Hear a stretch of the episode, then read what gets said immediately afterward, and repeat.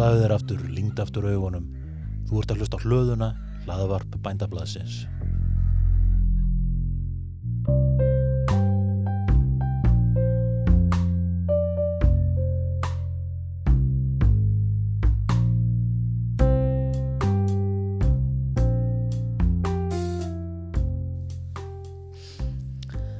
Góðan dag. Kornrækt er umræðuefni þessa þáttar af fæðuöryggi. Á meðan rótgróin búfjárækt og stórtækur sjávarútur stendur að öllu leiti undir próteinþörf Íslandinga og rúmlega það, er innlend framleiðsla á korni til manneldis engangu um 1% af heildarnislu. Við erum því mjög háð innflutningi á kornverum. Hins vegar eru skilirði til ræktunar á korni hér á landi alltaf að vangast og í reynd hefur mjög góður árangur náðst í ræktun á til dæmis byggi og höfrum en ennfremur eru margir ónýttir möguleikar fyrir hendi. Til þess að ræða þessi mál fæ ég hér í spjall tilraunastjóra í jarðrækt hjá Lambúnarháskóla Íslands en hann hefur blandað sér í umræðuna um fæðuöryggi með áhugaverðum greinaskrifum. Við fjöllum hér um stöðu kortræktar í Íslandi, mikilvægi plöntukinnbóta, kornverkefni sem er í gangi og í bígerð og alla þá fjölbreyttu möguleika sem liggja í viðtakari og útbreytari kortrækt hérlandis. Og ég vona að herindur njóti.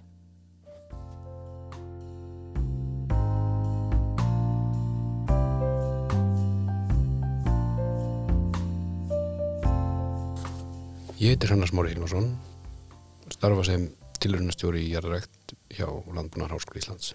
Ég hef haft þau hlutskipti að rannsaka korn uh, í fimm ár núna. Og hóf mín störf eftir útskrift í bygg rannsóknarverkefni Landbúnar Háskólas og tók svo við í 2017 og hef unni við það ásamt öðrum verkefnum sleitlega síðan mm -hmm. og það hefur nú kannski við undi hans upp úr sig og einskóraðist fyrst aðeins við bygg en við hefum sérstaklega farið í það að rannsaka fleiri tegundur en bara bygg mm -hmm. og stærsta kottverkefni núna er, er í höfrum mm -hmm. og síðan höfum við verið að um, fykta við vetrakveiti, vetrarúg og vorkveiti og síðan oljujörtir sem ég myndi flokkast kottræktar. Kottrækt sem búgrein myndi ég segja að sé að slíta barnskónum. Kottræktin er komin á þann stað að við getum farið að byggja á nokkuð tröstum grunni uh, þekkingar hæfni og reynslu bænda sem eiga þessa búgrein. Uh, og til þess að ná enn betri árangri þá þurfa þeir þurfa þessi bændur betri framleiðslu tæki og þau framleiðslu tæki kottrækt er í rauninni bara sáðvaran sem þeir fá í hendunar umfangið ógs mikið á síðastlinu 30 árum. Úr því að vera mjög lítið uh, og í það að vera talsvert mikið. Og kodni var sáð á, í 5.000 hektara uh, fyrir svona 10 árum. Uh, en dalaði svo talst mikið. Mingaði um um helming. En hefur síðan farið að vaksa aftur. Hægt, hægumskrefum. Og þetta er rauninni saga allra nýra búgreina á Íslandi. Hún fer rætt af stað. Og það verða skakkaföll. Og búgrein skreppur saman. En vex síðan aftur. Okay. þetta hefur sjáum við svínaræktinni á sínum tíma kjúklingarækt mingarækt þannig að ég hugsa að um, að svo reynsla sem er orðið til á síðustu árum sem voru erfið fyrir kottræktina uh, þetta er sveiplukendu búskapur. Sum ár getur uppskurðið mjög mikið, önnur ár mjög lítið. En uh, svo svo reynsla sem var til í erfið árunum uh, held ég að sé það sem muni sigla búgrinni áfram uh, í gegnum þau erfið ár sem muni koma aftur. Eins og til dæmis kannski árið í ár. Virðist ekkert alltaf að byrja ekkert sérstaklega vel. Við sitjum inn á sumarsólstöðum og ég, myndi lýsa veðrinu sem leiðilegu hösti Ógislega kall ógisla kallt og ógisla mikill vindur. Það hefur eiginlega ekkert skini mikill sól núna hvað er tvæð þrjú vikur. Það er lengur. Og þar á undan reyngdi ekki drópa í sex vikur. Þannig að þetta fyrir mjög illa stað þetta sumar. Fyrir þessi búgrein. Er, þessi búgrein er algjörlega háð verðátum mm -hmm.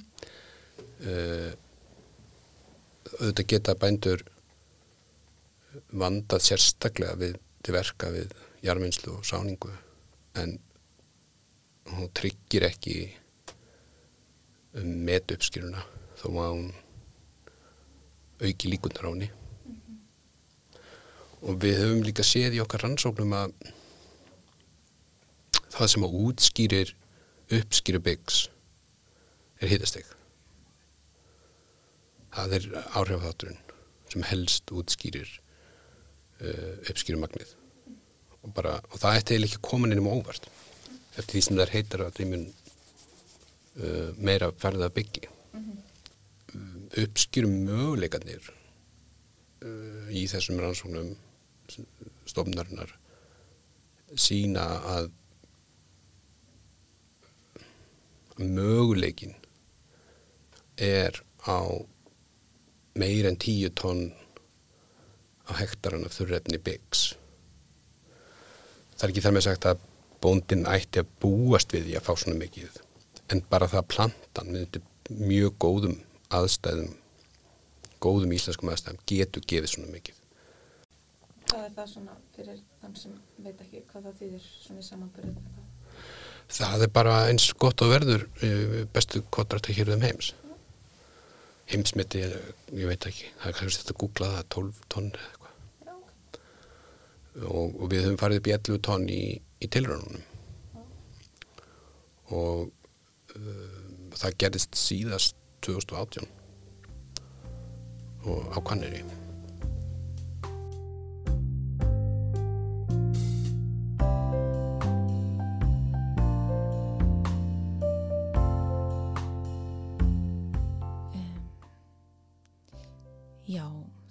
sem sagt verið slögt á mikrofóninu mínum þarna en næst fór ég að reyna að reykja úr hrannari gardninar varðandi umfang kornuppskeru og fjölda kortbænda á landinu en hafði ekki erindi sem erfiði.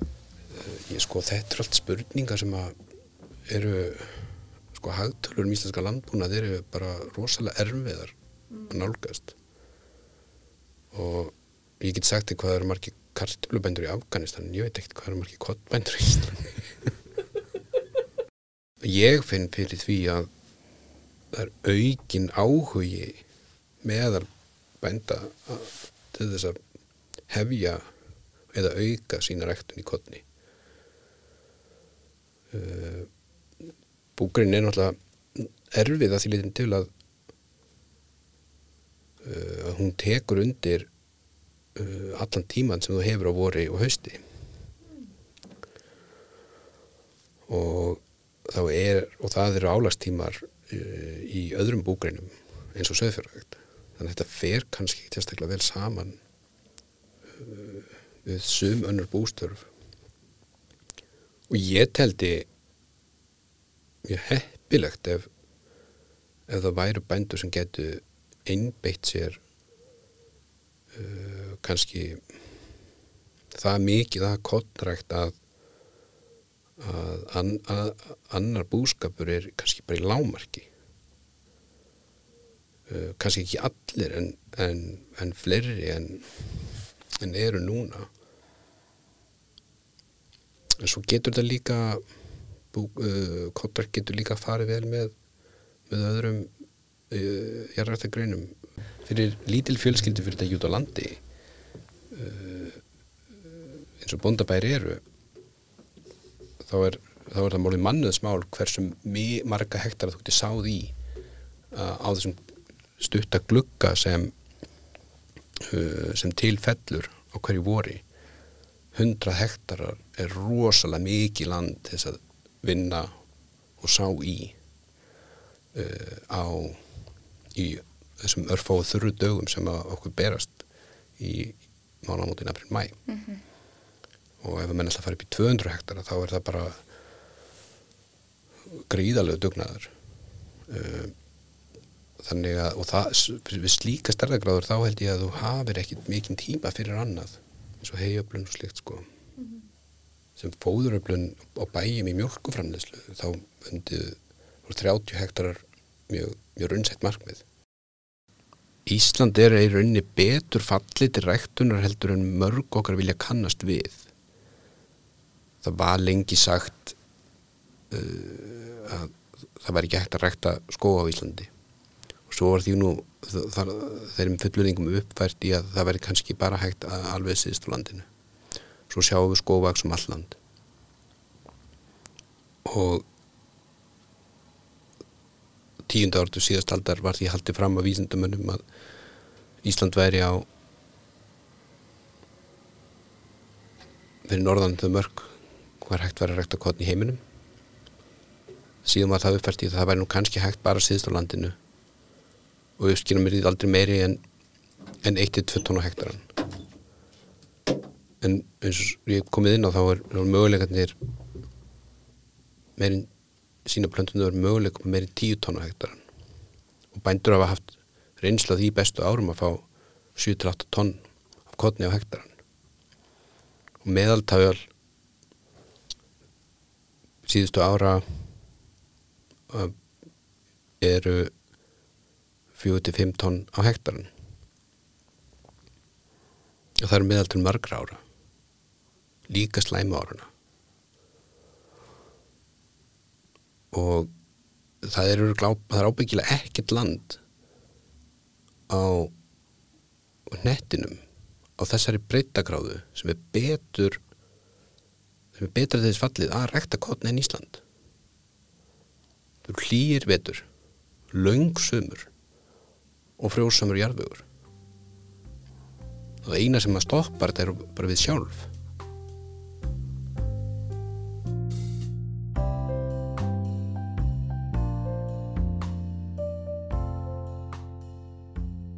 Þú hefur látið fæður ekki verða og byrtinlega grein á samt agli gauta sinni þar sem þið leggir til að ebla kortrekt með kynbótum. Af hverju skipta plöntu kynbætur máli hér á landi? Plöntu kynbætur uh, skipta máli fyrir heimsbyðina og án þeirra væru við ekki sött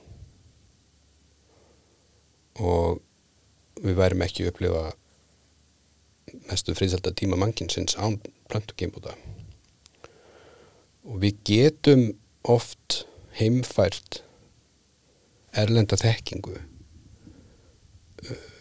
meðal annars afurðir plöntukímbóta og við gerum það.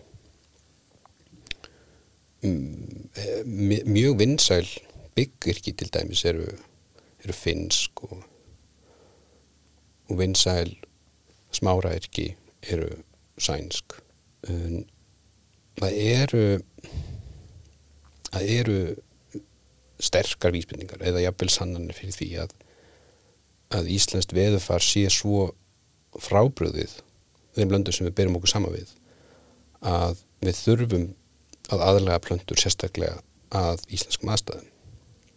Að auki getum við bætt við að, að við berum ákveðna skildu til þess að taka þátt í plöntukýmbótum og sem dæmi um aðrar kynbætur sem að eru svo sjálfsæðar eru hústýra kynbætur uh, Íslenska mjölkukúin er það framlýslutekki sem að við höfum til þess að sjá okkur fyrir mjölk, skýri og ostum. Og okkur ber skilda til þess að rannsaka þennan stofn okkar stofn og kynbæta stofnin það veri óábyrg meðferð á íslenska mjölkukóstofnum að kynbætan ekki. Þetta er gríðarlega verðmætt auðlind sem við höfum og við verðum að fara vel með hana. Eins og samaskapi getum við sagt að við verðum að kynbæta helstu nýtjajurtir fyrir að íslenskum aðstæðum. Og þannig náum við betri árangri og tryggjum fæðurörki punkturum minn sá að við getum alveg náð árangri með því að flytja bara inn plöntu frúdlöndum og, og stundað enga kynbætur. Bara slefti og við getum alveg slefti að stunda rannsóknir í gróðurhúsum og flutt bara inn þekkinguna frá Hollandi. Mm. og við getum alveg slefti að stunda rannsóknir í helbriðsvísundum uh, og teki bara upp þekkingur annar staða frá. Mm -hmm. að það er bara ekki ábyrg hegðun þjóðar að að taka ekki þátt. Við berum skildu kakvar bara alþjóðsamfélaginu að stunda uh, stunda þessar rannsóknir. Mm -hmm. og við gætum alveg eins uh, mingað umfang kynbóta í mjölkugóðstofninum og flutt inn erlend mjölkukinn uh, og þá uh, við þurfum kannski líka bara að spyrja okkur hvað, hvað er það sem okkur langar að gera hvernig viljum við búa á þessu landi? Og að búa er ekki um, að taka með þessi nesti og vera einhver staðar og dveljast einhver staðar. Það er í rauninni að, að yrkja þitt eigðland með þín megin uh, aðfengum og það er það sem skapar þjóð. Og ef við eigum okkar eigin nýtjaplöndustofna, hústýrastofna og uh, okkar eigi fræ, okkar eigi sákort þá held ég að við eigum meiri verðmætti sem þjóð. Og mér finnst það skipta máli. Því ég vil búa hér. Ég vil ekki bara vera hér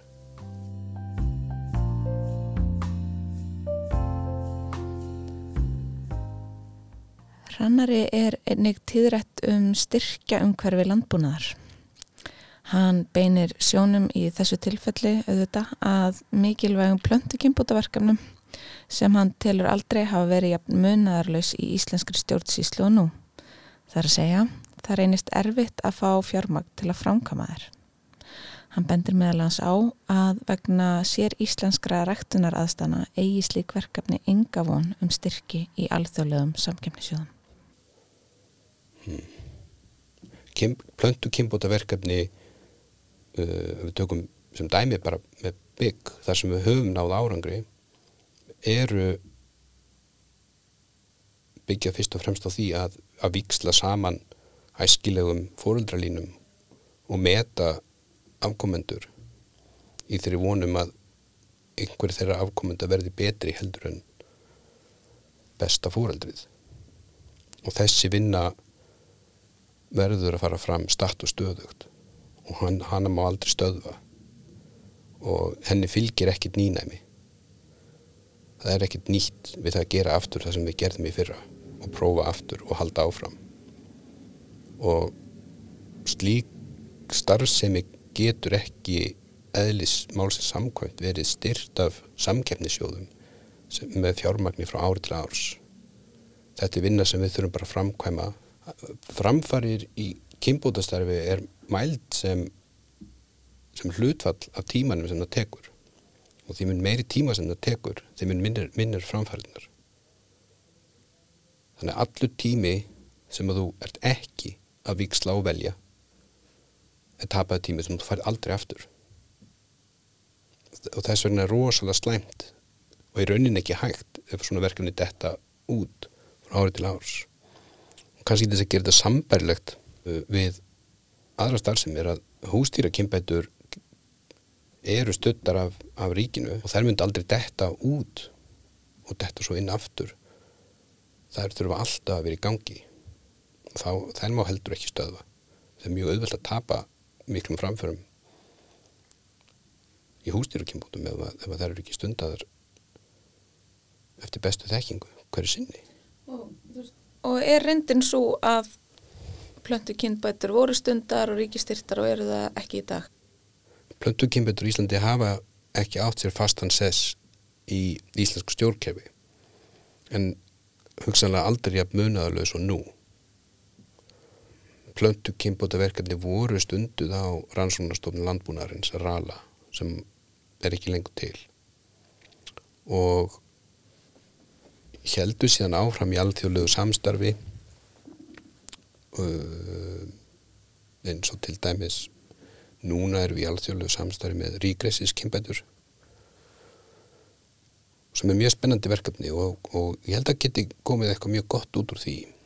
Uh, en hagsmunir uh, Íslands og annara norðarna þjóða í, ríkrisins kynbótum eru mjög svipaðar við viljum bara fá meira, meira ríkrisi. En hagsmunir uh, Íslands og annara norðarna þjóða í til dæmis byggkynbótum eru ekki endilega þeir sömu.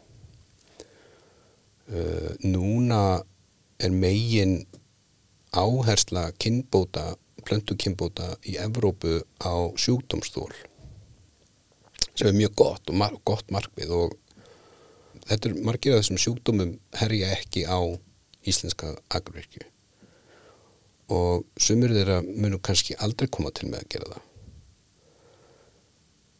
Og okkar markmið eru að stýtta vaksta tíman en, en, en þá. Og við höfum vaksta tími á byggi og Íslandi hefur stýst um heila viku undan fyrir 30 árum. En erlendis er vakstastímbilið að lengjast. Og að þessu leitin til getum við, getum við tekið þátt í, í alþægilegum verkefnum á þessu sviði og ættum að gera það og ekki erum að gera það. En það verður undirstaða þess verður að vera íslenskar blöndukynbætur og til hlýðar við slíka grunnstarfsemi getum við eld þekking okkar, dýfka skilning okkar á, á plöndum til hlýðar við rauninni gott og stert plöndukimbóta verkefni eða starf.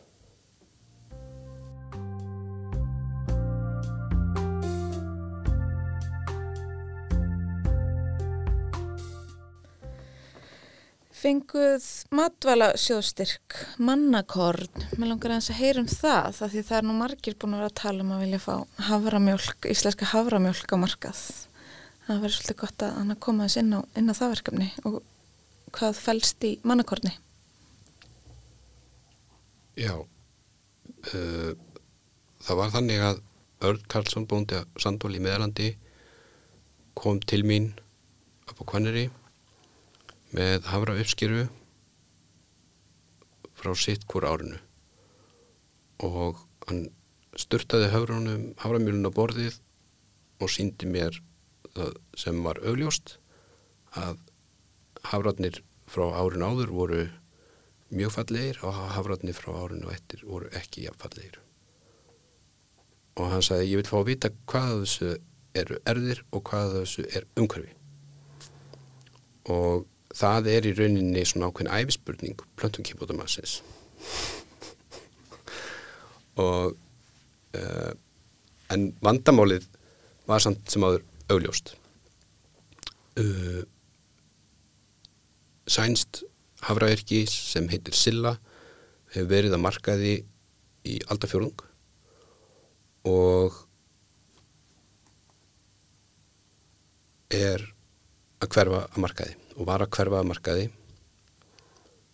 Og það hefði kostað það kostað bændur mörg ár og, og mörg hundru miljónir að reyna að komast að því sjálfur hvað væri besta hafraðirkið að markaði til þess að leysa af sillu og það var, mark, það var vandamáli sem við uh, ákváðum að leysa og fengum styrkur um atvælasjóði til þess að átt okkur á því hvað væri besta hafraðirkið til manneldis sem að stæði okkur til bóða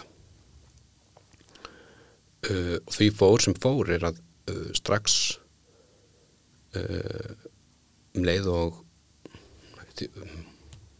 það fór þannig að uh, strax árið eftir þá fegst Silla ekki á sáðurmarkaði og þá voru góður á dýr um hverju ætti að sá að voru og niðurstöðu verkefnisins uh, síndu undir eins að að það var finnstyrki á markaði sem að gæti verið jafn gott og sila eða jafnvel betra.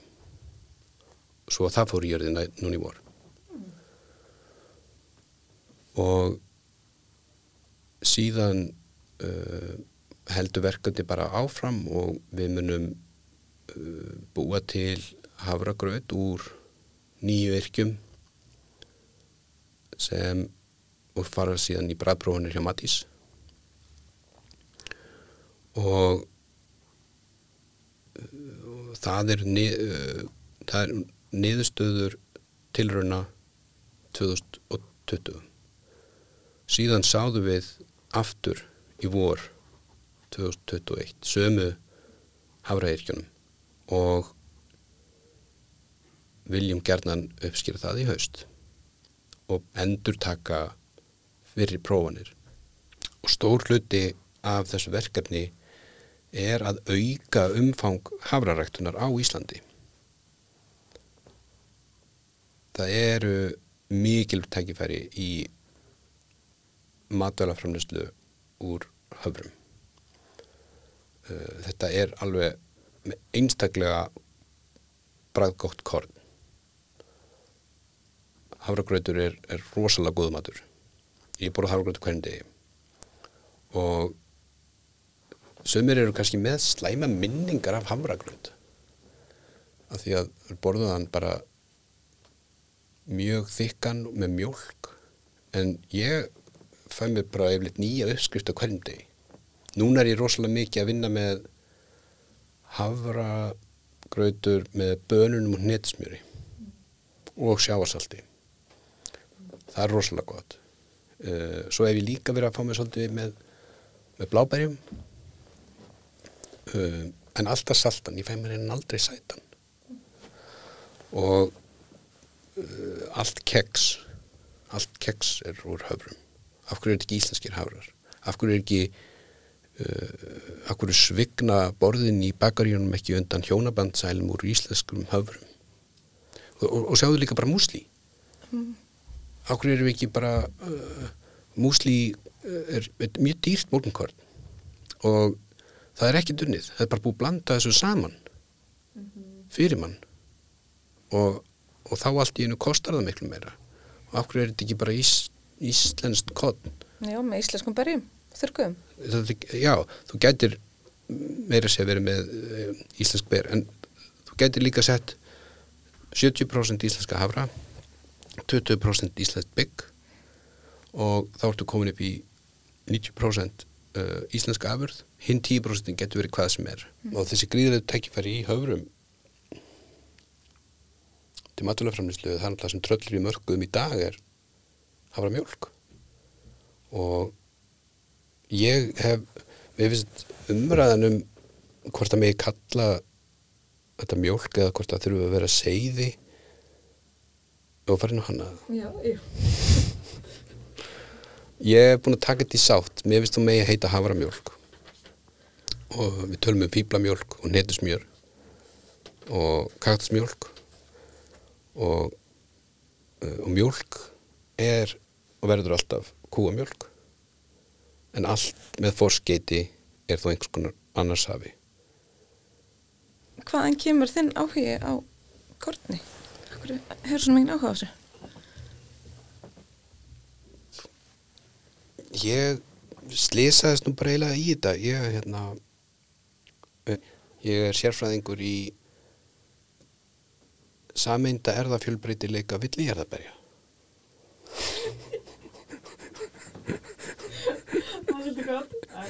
og mér fannst, ég heitlaðist mjög mikið af, af villjarðberðum í mínu, í mínu námi en, en hérna hef tekið ástfórstri við, við kottnið síðan.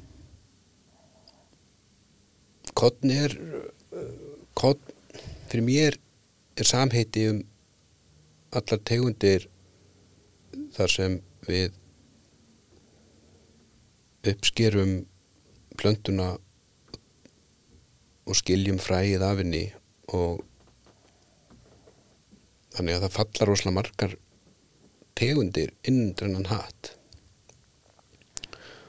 Og þessar grastegundir sem við erum að rækta helst, hafrar og, og bygg þetta er náttúrulega mjög falleg grös. Og það er mjög skemmtilegt og eiginlega alltaf jafn ótrúlegt að, að horfa á þessar plöntur lagðar hún í kalda íslenska jörð og, og það er rauninni svo fátt sem getur stöðuð þær til þess að klára lísfyrilsinn að að mynda fræ og og falla frá.